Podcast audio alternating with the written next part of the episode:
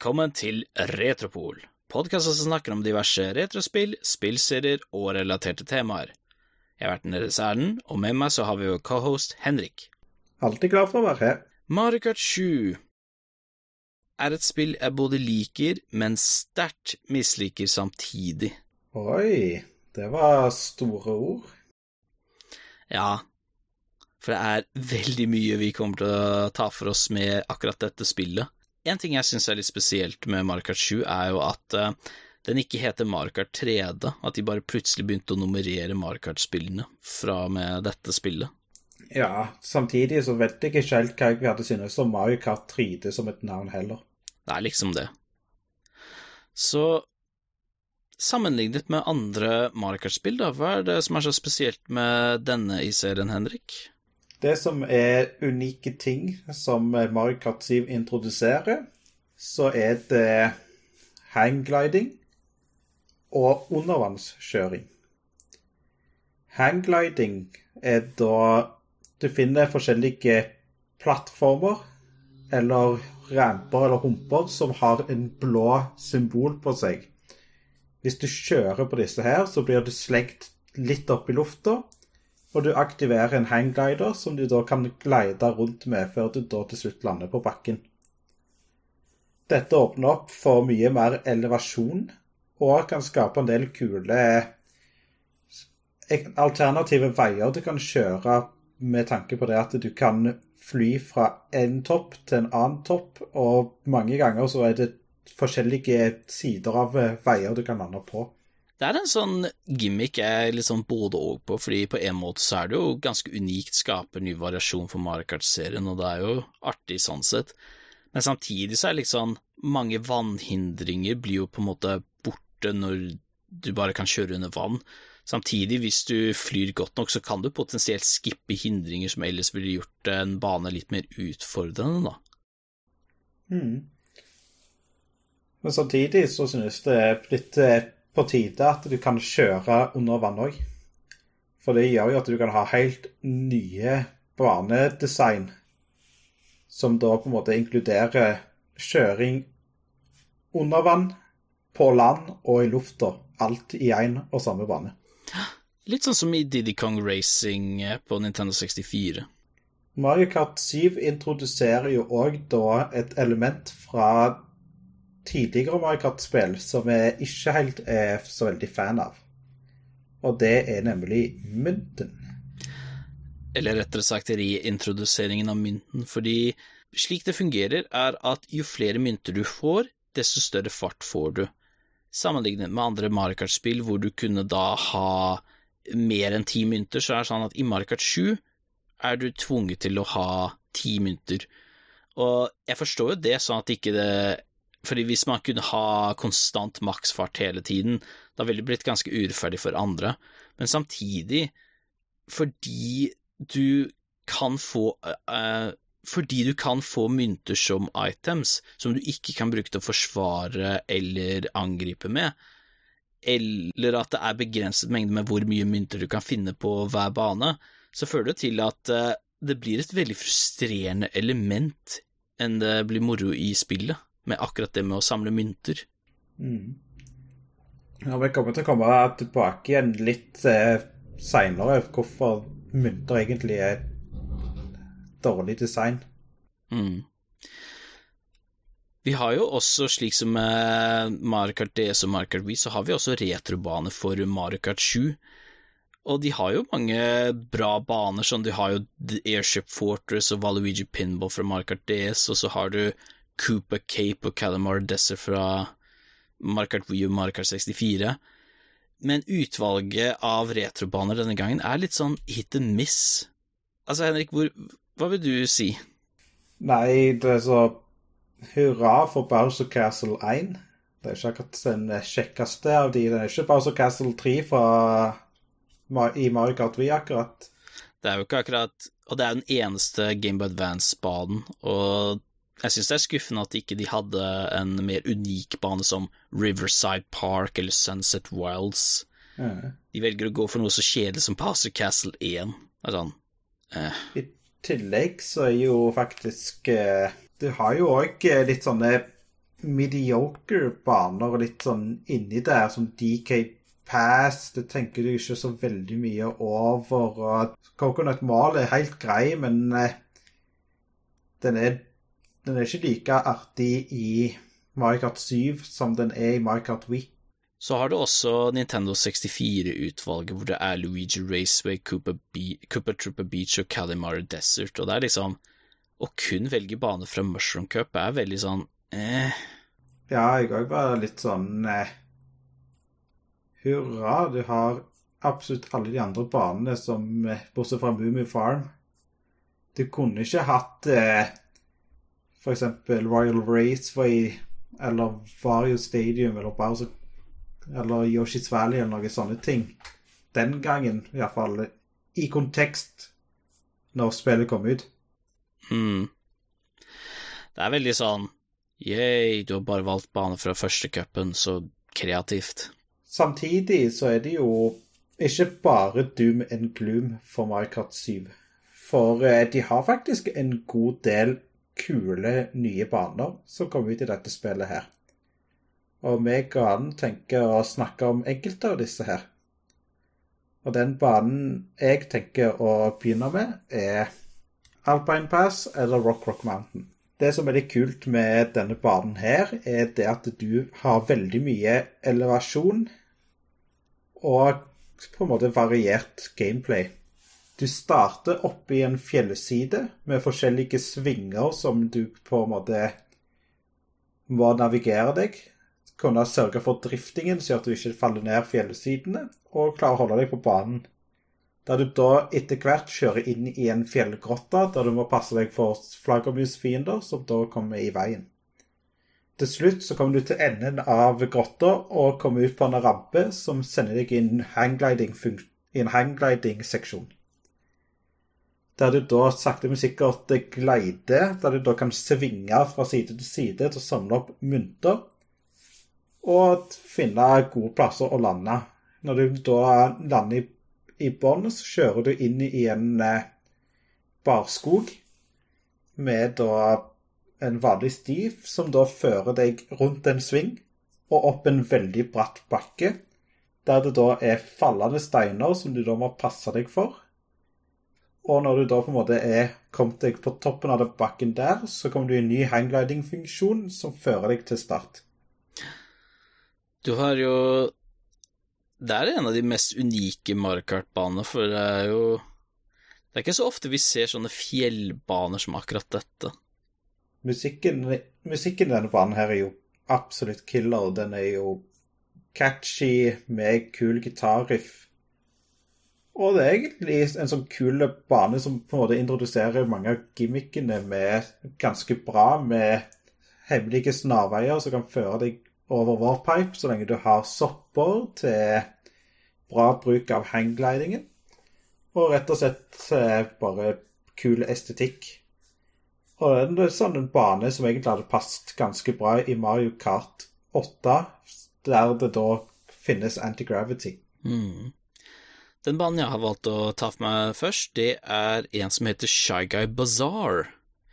Shaiga Bazaar er jo da en Midtøsten-tematisert bane, hvor du da kjører litt i en ørken, før du da kommer til en markedsplass. Så kjører du litt gjennom byen, før du da kjører forbi en seksjon med shyguyer som flyr på flyvende tepper, før du da kommer tilbake igjen til det lille ørkenområdet.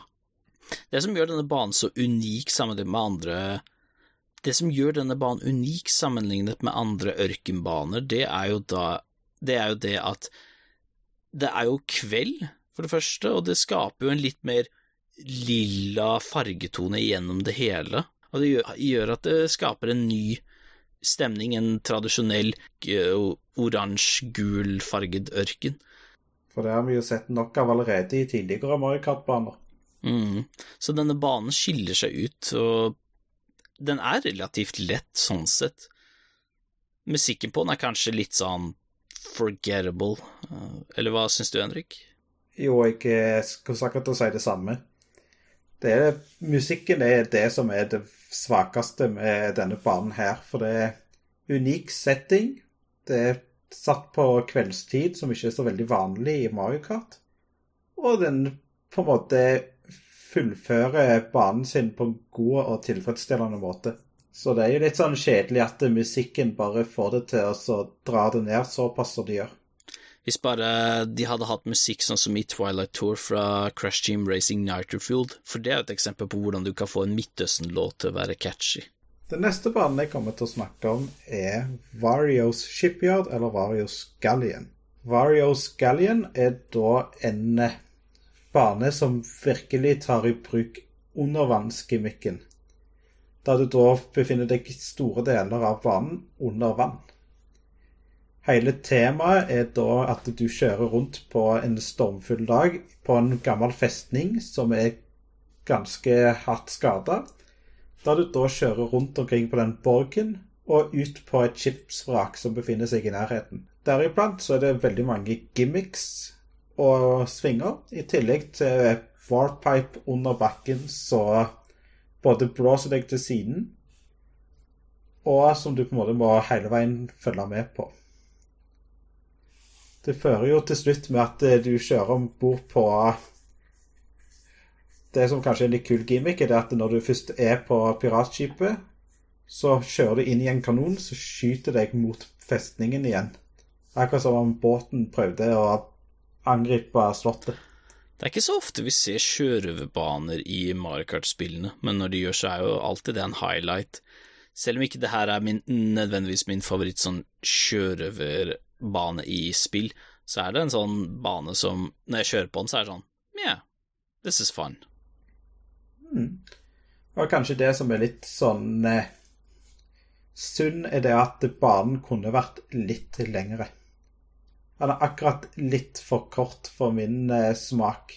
Jeg tror han hadde hatt eh, fordel av å ha hatt noen svinger og et, et, nytt, unikt område før det kom tilbake til start. Mm. Jeg ser for meg en sånn skattekisterom ville kanskje speisa opp banen litt mer. Enig i det. Den neste banen jeg skal ta for meg, er en som egentlig har dukket opp fra andre spill, blant annet WeFit. Det er Woohoo Island Loop. Woohoo Island Loop er jo da en bane som introduserer en ny gimmick som Mario Kart 7 introduserte, nemlig det at istedenfor at du kjører den samme banen tre ganger i loop, så er det sånn at banen er ett stort løp med checkpoints eh, i løpet av eh, banen. Og sånn sett så gjør den litt unik med at du ser ikke den samme settingen eh, flere ganger på rad. Du ser én setting med forskjellige variasjoner med at til å begynne med så starter du ved en liten by, kjører over en bro, over gressletter, forbi fjell, og så tilbake igjen til eh, start. Og det fører til at det er mye mer variasjon sånn sett. Musikken er veldig fin, men samtidig, fordi det er kun ett stort løp, så er det sånn at hvis du vil legge ut feller, la oss si for eksempel bananskall, da, og du setter det bak, men så har alle de andre racerne kjørt forbi det, da var egentlig den fellen ganske meningsløs å sette ut, så blir jo nesten heller Får heller bare beholde bananskada, da, heller bruke det som skjold. Mm. Og denne banen her starta jo en trend i Mario Kart der eh, baner fra forskjellige andre spill sakte, men sikkert ble introdusert som eh, unike og kule baner i seinere Mario Kart-spill og åpna opp døra for at du kunne ha baner basert på andre spill i Mario Kart.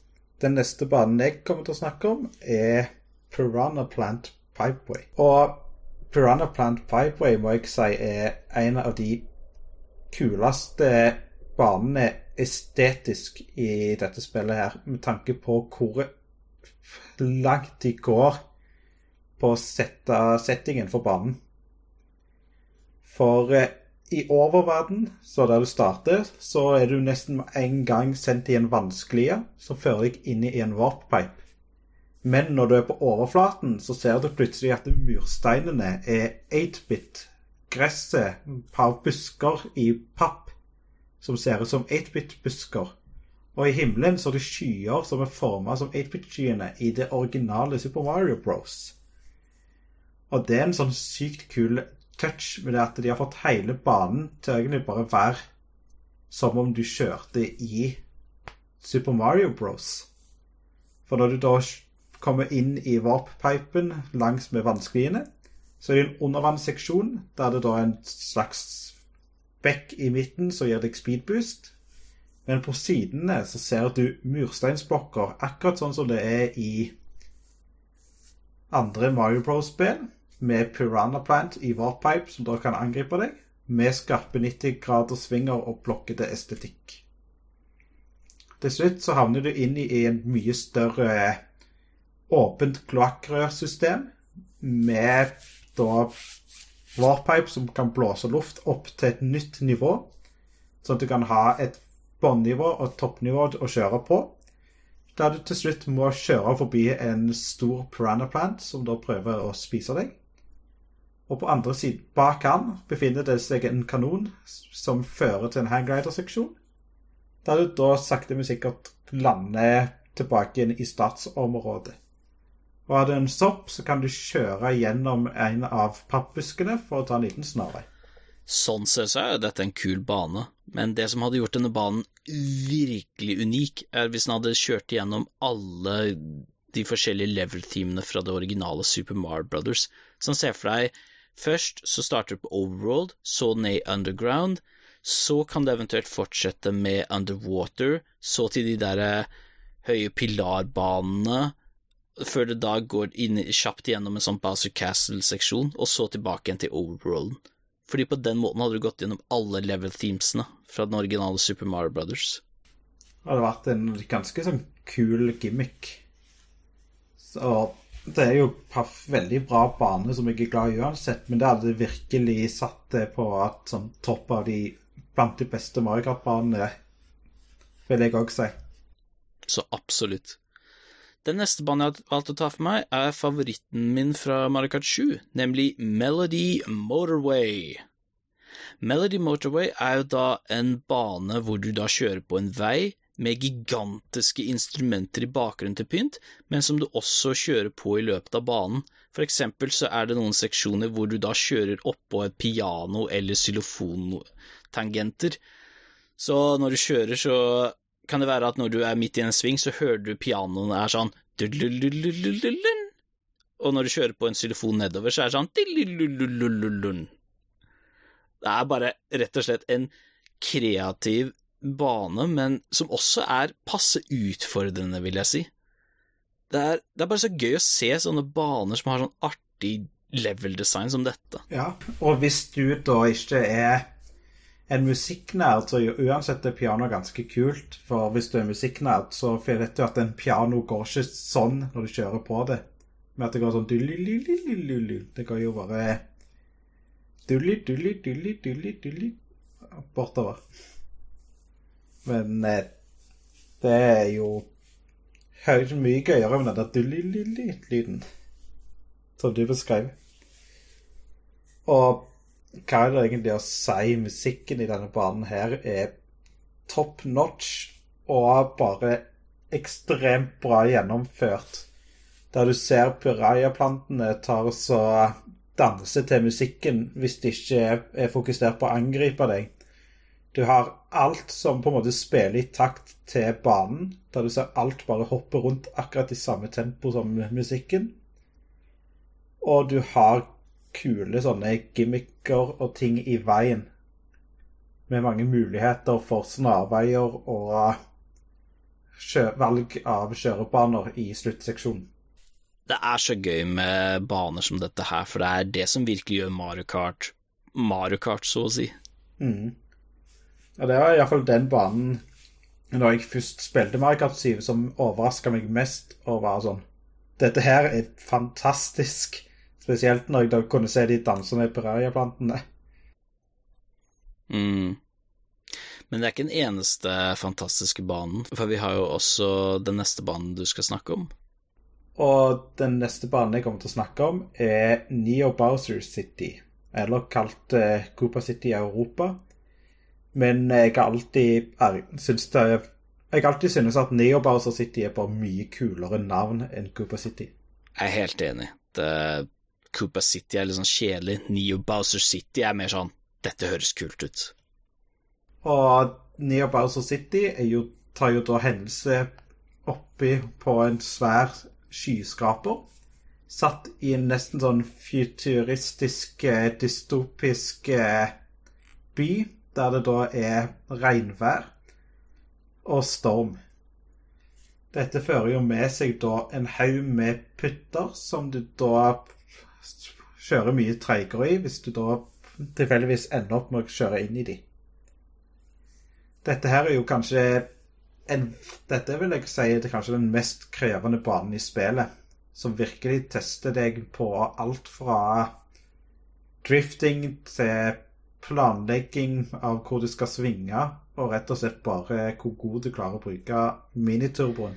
Vet du hva jeg skulle ønske med akkurat denne banen? Mm. Jeg skulle ønske den her erstatta Bowsers Castle, fordi dette her er en så utrolig kul og unik Bowser-bane at det er litt sånn Hvorfor kunne ikke den her vært rett før Rainbow Road? Det har passa så bra.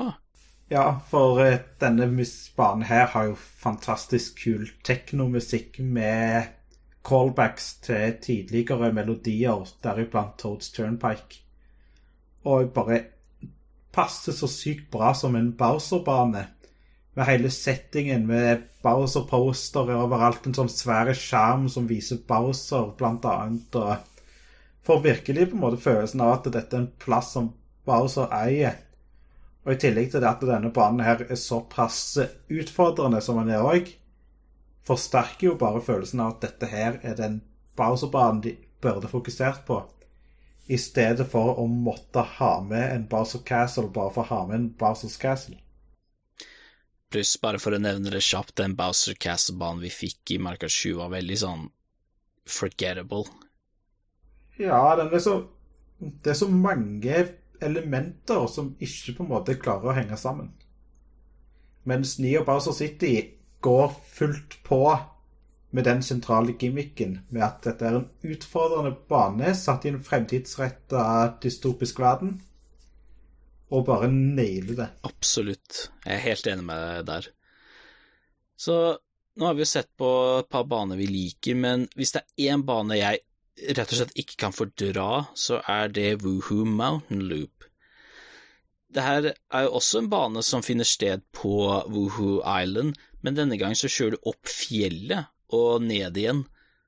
Og den er jo også kun ett løp, så eh, samme mekanikk som eh, Woohoo Island det som er greia med den her, er at settingen er jo så å si grei, men dette er en bane som sliter med overeksponeringseffekt, rett og slett fordi at når jeg spilte online, før Nintendo hadde kommet med en patch, så ville folk alltid spille den her, og til å begynne med skjønte jeg ikke hvorfor, og så fant jeg ut i ettertid at å ja, det er den her snarveibuggen som gjør at du kan skippe store deler av banen, og sånn ja, ok, jeg skjønner at folk er veldig glad i den, men når den blir valgt igjen, og du må spille den banen igjen og igjen og igjen og igjen og igjen, da må det være lov å si at man blir til slutt møkklei av å spille den banen. Mm. Og det verste av alt var jo det at når patchen først kom, så tok det jo allikevel sånn to-tre måneder før folk forsto at snarveien ikke gikk an. Så til en viss grad så var det morsomt å se folk prøve på snarveien når de visste at det var patcha. På den andre siden, stopp og velg denne banen. Så det ble jo, som du nevnte, ble eksponert for denne her så mye, når det heller var andre baner du òg ville spille. Sånn, det er nesten som å Altså, det er liksom Å, jeg har lyst til å spille en bane Jeg har lyst til å spille en bane som Melody Motorway. Nei, vi skal spille Woohoo Mountain Loop. Vi skal spille Woohoo Mountain Loop. Til slutt så blir det sånn Å, herregud, bare slutt å velge den banen. Please. Og det verste av alt er jo det at denne banen her er jo egentlig ikke så ille. Det er en ganske sånn kul design av bane med spesielt hanggliding-seksjonen på slutten, som jeg alltid synes er ganske kul. Men det er bare det at eh, når den har blitt misbrukt sånn som den har blitt, så er det vanskelig egentlig å sette pris på det. Mm. Men uh, la oss avslutte med en highlight, fordi felles så har Henrik og jeg valgt å ta for oss dette spillets Rainbow Road. Og jeg vil nesten si det at uh, Mario Kart 7 sin Rainbow Road er den mest sånn grand av alle Rainbow Road-baner. Bare rett og slett på hvor massiv den er. Slik banen fungerer, er jo at du starter jo på en sånn tradisjonell regnbuevei, at den er sprakende full av farger og er ekstremt fargerik å kjøre på, men fordi banen finner sted i verdensrommet, så kjører du forbi planeter, asteroider, stjerner og månen. Så har du musikken som er unik på sin måte, men den greier også å smette inn deler av Mario Kart 64 sin Rainbow Road, som er bare Det gjorde meg så glad å høre akkurat det der. Ja, musikken er jo bare så sykt bra. I tillegg så er jo alt med de elementene med at du når først er ferdig med første seksjonen, så kjører du delvis rundt ringene på Uranus. Det er sånn Hvem har ikke tenkt Hvorfor har ikke det blitt gjort før? Det er jo så genialt. Og så videre så blir du slengt bort mot månen, der det er masse change-hop som er rundt eh, som triller rundt, og du må unngå de mens du da har low gravity. Men så lenge du er på det området der, før du da kommer til sluttseksjon, så sender deg inn i en spinnende spiral med speedboost og hull som du må unngå, før du da kommer til en sånn sluttspurt der det gjelder å, gjelder å få mest mulig framgang, før du da kommer inn til mål. Mm. Det her er Hvis man ikke er så fan av de andre Mario Kart-banene av uh, de andre Mario Kart-banene i dette spillet, så er dette her en absolutt highlight. Ja, det er soleklart en av de beste banene i spillet. Mm.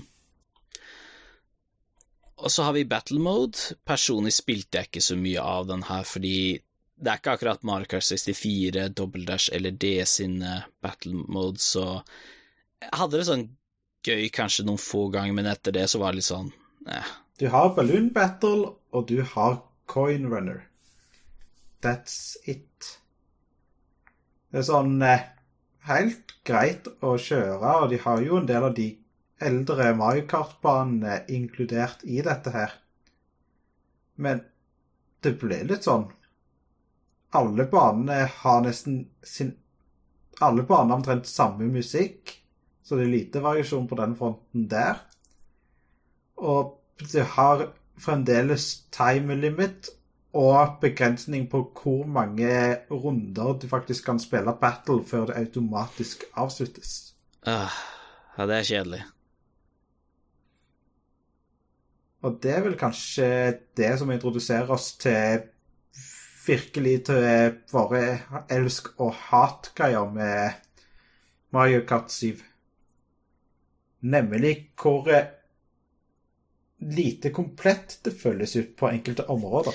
Rett og slett at uh, Vi kan begynne med hovedskjermen, da. Sånn the tile screen og menyvalget. Når du spiller alene og ikke med andre, så har du bare Grand Prix, Time Trials, Balloon Battle eller Coin Runners. I Mario Kart DS hadde du i tillegg til dette her uh, Grand Prix Time Trials og Battle Mode, så hadde du også noe som het uh, Versus Race, hvor du kunne spille akkurat de banene du ville, og hvor langt du ville at spillet skulle vare. Nei, så har ikke du lenger denne muligheten, hvilket fører til at uh, å ja, jeg har lyst til å spille Melody Motorway, men jeg har ingen andre måter enten enn å kun spille Time Trials, eller så må jeg spille tre andre baner jeg ikke er i humør til å spille på akkurat nå, før jeg kan spille Melody Motorway. Gøy. Og kanskje det som òg litt sånn eh, rart, som Mario Kart 7 ikke tenkte på, er jo hva gjør du hvis du har kun én DS? Du har ikke tilgang til internett. Det er sånn Ja, du kan spille Grand Prix du kan spille battle mode. Du kan ta en sånn occasional eh, time trial som du vil. Og det er sånn OK. Men hva mer er det? Det er sånn Det er bare racing, og racing mot AI er greit nok, men det er sånn du har lyst til å spille mot andre folk.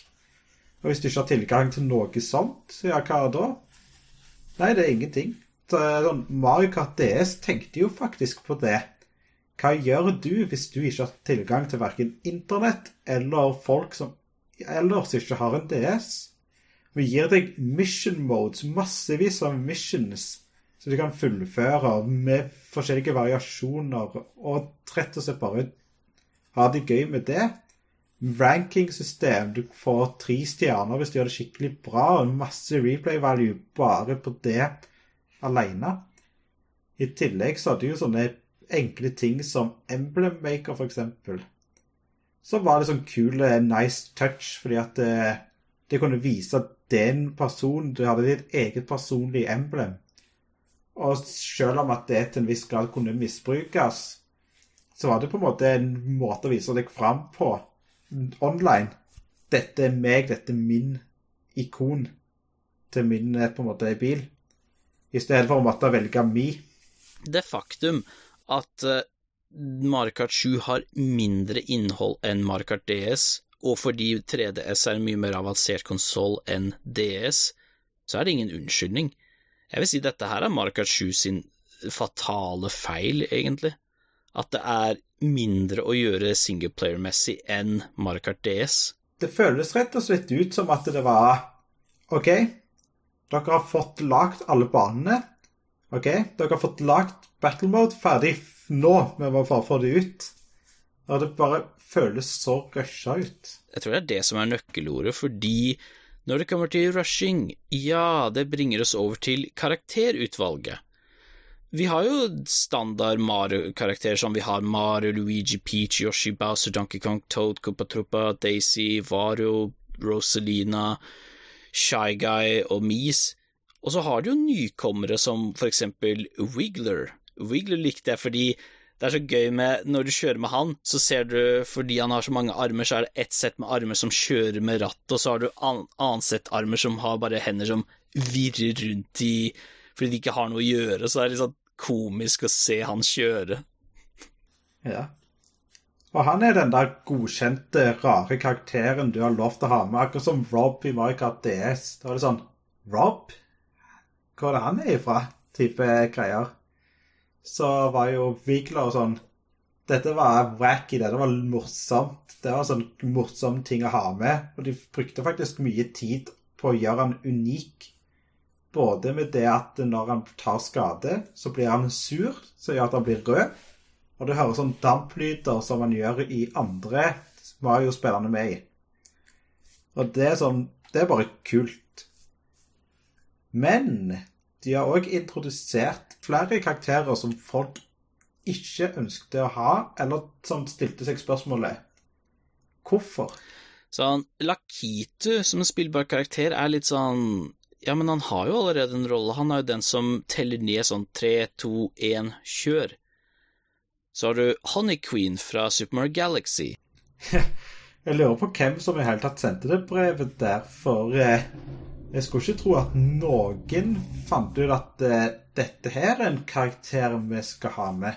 Og det er sånn Ja, men det var her for cross promotion med Mario Galaxy, men du har jo Rosalina. Det var jo karakteren fra Mario Galaxy du hadde med i Mario Kart Wii som en tie-in for Mario Galaxy.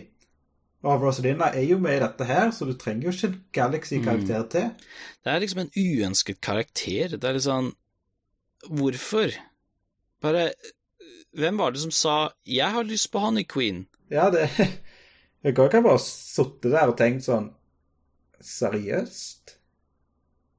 Helt siden det kom ut, så har jeg aldri egentlig helt klart å skjønne hvorfor de bestemte seg for akkurat ha mm. med mm. Honey Queen. Men det fører oss til en siste karakter som strengt talt kunne vært en alternate skin. Og det introduserer jo òg kanskje min største frustrasjon, som vi òg så i seinere Mario Kart-spill. Og det er nemlig det at du har wastet en character slot på reskin.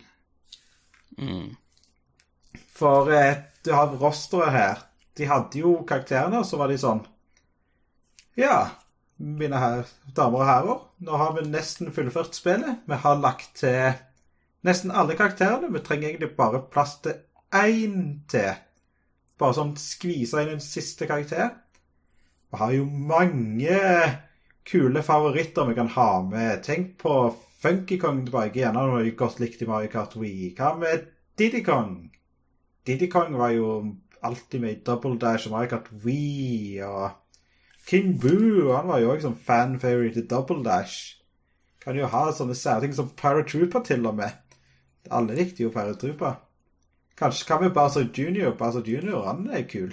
Nei Hva med Mario? Bare i metall. Og hva Det er sånn Bare det i seg sjøl er å sløse en unik plass til en unik karakter som er sånn Ha, det er Mario, bare han er tyngre og har robotstemme. Det er sånn Why? Det er sånn Altså, ok, det er greit nok at Mario og Metall-Mario har forskjellige stats, men ok, hvem er det som mangler her? Men kanskje det som er sånn verst med det, at uh, Metal Mario er med i spillet, er jo det at han For at han i det hele tatt skulle være med, så måtte en annen karakter elimineres, rett og slett. Og det er sånn Hvorfor Ja. Måtte elimineres, rett og slett. Å ja, du hørte jo den stemmen der, ja. Jeg tror kanskje du har lov til å fortsette litt med dette her, Erlend, siden dette er kanskje det du har venta litt med å si noe om? Ja, fordi OK. Mario og Metall-Mario Du kan argumentere for at de har forskjellige stats, men igjen så kunne jo egentlig Metall-Mario vært en unlockable skin for Mario sånn Hei, du har fullført alle cupene i spillet. Her er din belønning. Og jeg kunne levd med at Valuigi ikke er en spillbar karakter i spillet, fordi ja, de har lyst til å introdusere nye karakterer, det, det er for så vidt greit. Men så ser du på retrobanen, og så ser du Valuigi Pinball. Hvorfor ha med en bane som tilhører en annen karakter, eller en veldig spesifikk karakter som Valuigi, og som ikke er spillbar i spillet? Jeg bare kan ikke begripe hvorfor. Og hvis folk sier ja, men du sier jo dette fordi du er så glad i Valuigi Hvis dere husker i vår Mario Kart 64-episode, så sa jeg nøyaktig det samme om Koopa Troopa Beach, hvor du har en Koopa Troopa-bane, men du har ikke Koopa Troopa med som spillbar karakter. Så det er Ah, det, det er så frustrerende. Det er spesielt frustrerende når det er en karakter som er min favoritt-Mario-karakter noensinne, Valuigi, så, og han får ikke være med, og så er banen som tilhører han, med. Det er sånn ah. Og ikke nok med det i seg sjøl, så er jo òg det at eh, Mario Kart 7 i mange måter har blitt overskygga ekstremt av sin etterfølger Mario Kart 8 og Mario Kart 8 Deluxe. For Mario Kart 8, som vi kommer tilbake til i en større episode, gjorde jo egentlig alt det Mario Kart 7 gjorde, men så mye bedre. Så det har jo satt meg litt igjen i retrospekt med Ja, det er jo Luigi Pinball, kjekk bane, og alltid kjekt å se den. Men hvorfor måtte den være i Mario Kart 7 når den heller kunne vært med i VU-versjonen av Mario Kart 8, f.eks.? Det hadde vært så fantastisk å se den i Mario Kart 8 eh, da den kom ut på Wii U.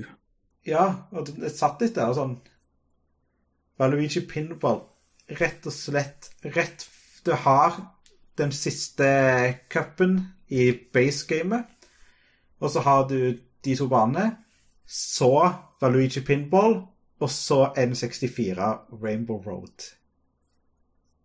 Det hadde vært så mye bedre enn at du har gode baner, som for så vidt er greit, men du sitter der og tenker disse gode banene hadde bare vært så mye kjekkere å hatt i det nye spillet, og heller hatt de kjedelige banene i Mario Kart 8 i Mario Kart 7. Ikke for å være frekt mot Mario Kart 7, men Mario Kart 7 i retrospekt burde nesten vært brukt som en søppelfylling til å ta mye av de kjedeligste banene fra retrocups, sånn at seinere Mario Kart-spill kan få så mange mye bedre baner. I stedet for at Mario Kart 7 skal ta inn noen av de beste banene inn i et relativt I et av de mindre gode Mario Kart-spillene. Så absolutt. Du har jo også noen nye items introdusert, og dem er jo Dem er litt sånn eh, helhetlig, fordi Fireflower, det er jo da et item du bruker da til å spamme flammekuler både fram og tilbake. Sånn sett er den grei å få, men fordi den er så lett å spamme, så er det veldig frustrerende å bli truffet av den, og så ser du at du blir lett som bare det tatt igjen av andre. Ja, og det som også er irriterende, er at du mister jo tre mynter. Så du har ti mynter. Motstanderen er kjempegod med å bruke flamme Fireflower. OK, han treffer deg med første, du spinner rundt litt, og så kjører du videre. Så treffer han deg igjen. Da har du mista tre ekstra penger, og du er plutselig ned på fire mynter. Og så treffer han deg en siste gang, og du mister tre, og du plutselig bare på én mynt. Og lykke til på halvveis gjennom siste runde med å få ti mynter igjen. Og det introduserer òg kanskje den største irritasjonsmomentet med mynter generelt sett, er det at eh, hvis du mister alle myntene dine nærmere slutten, så hva er poenget da med myntene? Du har mista alt. Du klarer ikke å komme, bygge deg opp igjen til ti. Du sitter der, og så tenker du Ja, ja. Det hadde ikke vært bedre å heller bare fokusere på god gamedesign i stedet for oss hele veien å ha frykten for at å, du mister penger, nå kjører du mye treigere. Og det er jo litt mynter. Og igjen så er det en unødvendig gimmick som setter ekstremt mange krav inn i hver enkelt bane. For du må tenke på OK, vi er nødt til å ha baner spredt mynter spredt rundt omkring på banen på strategiske plasser, og vi må sørge for at det skal være tilgjengelig for så mange spillere som mulig. Ja, OK. Vi kommer til praks i praksis med Race. De tre første foran får tak i nesten alle myntene, og får da umiddelbart en fordel. Nå har jo de fiksa det litt seinere i Markart Kart 8 med at du faktisk starter med en del mynter dersom du er helt bak, for å balansere det ut. Men iallfall, du er helt bak på åttendeplass, null mynter, og alle er foran og tar alle myntene foran deg. Det er jo ikke bra design. Nei. Det er, sånn som jeg nevnte i stad, det er ekstremt frustrerende, og nå tror jeg alle dere skjønner hvorfor det er så frustrerende. Det er bare sånn du sitter der og bare Hvorfor måtte denne her mekanikken være med? Mm. Bare, hvem var det som sa 'vi skal ha dette med'? Nei, det driver jeg òg og lurer på. Ja. Så har du jo også items som for eksempel Superleaf, og ja, det er ikke så mye å si om den. Du får beskyttelse, du kan spamme den med hale, men du kan ikke bruke item, andre items mens du har den, så Og den forsvinner til slutt. Så dersom du da er så uheldig å bruke den, det kommer ingenting. Og så plutselig hører du lyden av at et rødt skal komme. OK? Du er klar til å beskytte deg, og poff, så er den vekke. Sekundet senere så blir du truffet av det røde skallet. Så har du Lucky Seven, hvor du får da sju items på én gang. Sopp, banan, grønt skall, rødt skall, blooper, babambo, stjerne. Anbefaling, bruk stjerne, og bare spam de andre itemene, så slipper du å Ja, du vet jo, jeg pleier jo faktisk å bare kalle den for spam. Sånn, hva gjør du egentlig? Bare trykk, trykk, trykk, trykk, trykk, trykk, og så plutselig har du stjerne, og så kjører du videre. Ja, ikke sant. En siste ting som må nevnes òg, er jo at selv om det var mange artige nitrobaner vi snakket om uh, til Marka 7, så har du en del andre baner som er så standard at det uh, bare blir kjedelig. Sånn Toad Circuit, det er kanskje den mest stereotypiske racingbanen jeg har spør, sånn kjørt på i hele mitt liv. Ja, det er faktisk den kjedeligste circuitbanen, og det sier mye når Mario Kart DS har figure eight circuit. Ja. Og så har du for eksempel andre glembaner som Rosalines Ice World. Jeg husker at det er en snøbane med observatorier fra Super Mario Galaxy, men så er det sånn Jeg husker ingenting annet. Og så har du også Cheap Cheap Lagoon, som er liksom Ja, hva er det å si om, å si om den banen? Jeg hadde helt glemt ut at den var med i spillet. Nettopp. Det var mitt poeng. Og ja Alt i alt så er rett og slett Marka 7 er liksom Det føles så rusha ut. Den har liksom så mye potensial. Den kunne hatt en, for eksempel en patch hvor å ja, vi kom ut med spillet for tidlig. Her er et par ekstra retrobaner. Eh, Birdo, Didi Kong, Valuigi og King Boo som ekstra spillbare karakterer. Men fordi vi liksom ikke fikk det, så er det sånn Mario Kart 7 har mange bra ting, men det er for mye frustrerende gameplay-elementer som forhindrer dette fra å være liksom en så bra Mario Kart-spill. Det er rett og slett det Mario Kart-spillet i serien eh, Jeg tror dere nå skjønner hvorfor jeg har et sånn elsk-hat-forhold til. Ja. Og det blir litt sånn nett på en måte i retrospekt vanskelig å returnere til når det er så mange bedre alternativer til Mario Kart 7. Mario Kart DS i seg sjøl er jo nesten et bedre spill til tross for at den på svakere hardware har en del designbegrensninger. Og så OK, de aller fleste har jo Nintendo Switch, så hvorfor spille på 3DS når du heller kan spille Mario Kart 8 de Deluxe med alle de banene som er med i det spillet der? Mm. Det fører jo egentlig til at uh, Mario Kart 7 hvis noen spør oss om hei, hva bør jeg skaffe meg da? Jeg kan dessverre ikke anbefale dette spillet. Det Det her er rett og slett det Mario Kart-spillet sammen med mm, Super Mario Kart og Mario Kart Super Circuit jeg rett og slett bare ikke kan anbefale. Den har mye bra potensial, men helhetlig så er det for mye som holder dette spillet tilbake. Jeg er ikke helt enig med deg i det. Det er et sånt spill som er vanskelig å returnere til. Men i det minste, med det ene lyspunktet, så har iallfall eh, det kommet noen gode baner ut av dette spillet her, som har kommet videre i seinere Mario Kart-spill. Mm. Så hvis noen uh, hadde spurt meg ok, jeg tenker å skaffe meg et annet Mario Kart-spill enn Mario Kart 7, da, det er liksom Vet du hva min anbefaling er? Enten spill Mario Kart 8, eller så spill Mario Kart DS enn Mario Kart 7. Det Det er alt jeg kan si. Jeg er helt enig.